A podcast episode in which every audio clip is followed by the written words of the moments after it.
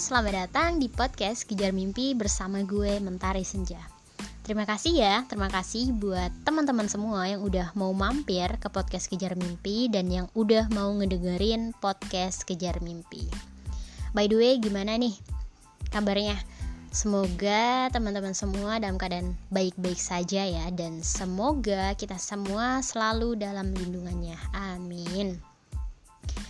Wah, nggak kerasa ya. Sekarang kita sudah memasuki tahun 2023. Perasaan baru aja kemarin ya, kita masuk di tahun 2022. Tapi tiba-tiba aja sekarang udah di tahun 2023. Udah 1 Januari ya. Nah, banyak nih dari kita semua ketika masuki awal tahun itu kita membuat resolusi-resolusi pada tahun ini gitu. Untuk pada tahun yang akan kita lalui selama beberapa bulan ini begitu.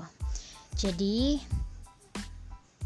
ada nih pertanyaan, ada yang terpikirkan di benak gue. Emangnya harus buat resolusi baru atau ganti resolusi yang kemarin ataupun jalankan resolusi yang belum tercapai di tahun lalu. Nah, jadi di sini gue mau sedikit berceloteh mengenai resolusi ya. Di tahun 2023 ini pada awal tahun, tepat banget di 1 Januari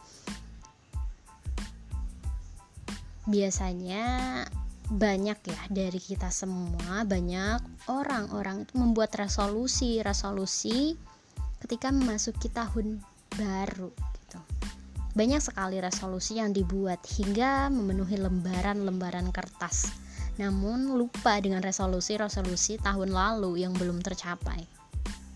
Gak masalah sih kalau kita kamu mau buat resolusi-resolusi baru atau ganti resolusi dengan banyak resolusi yang akan kamu capai di tahun ini.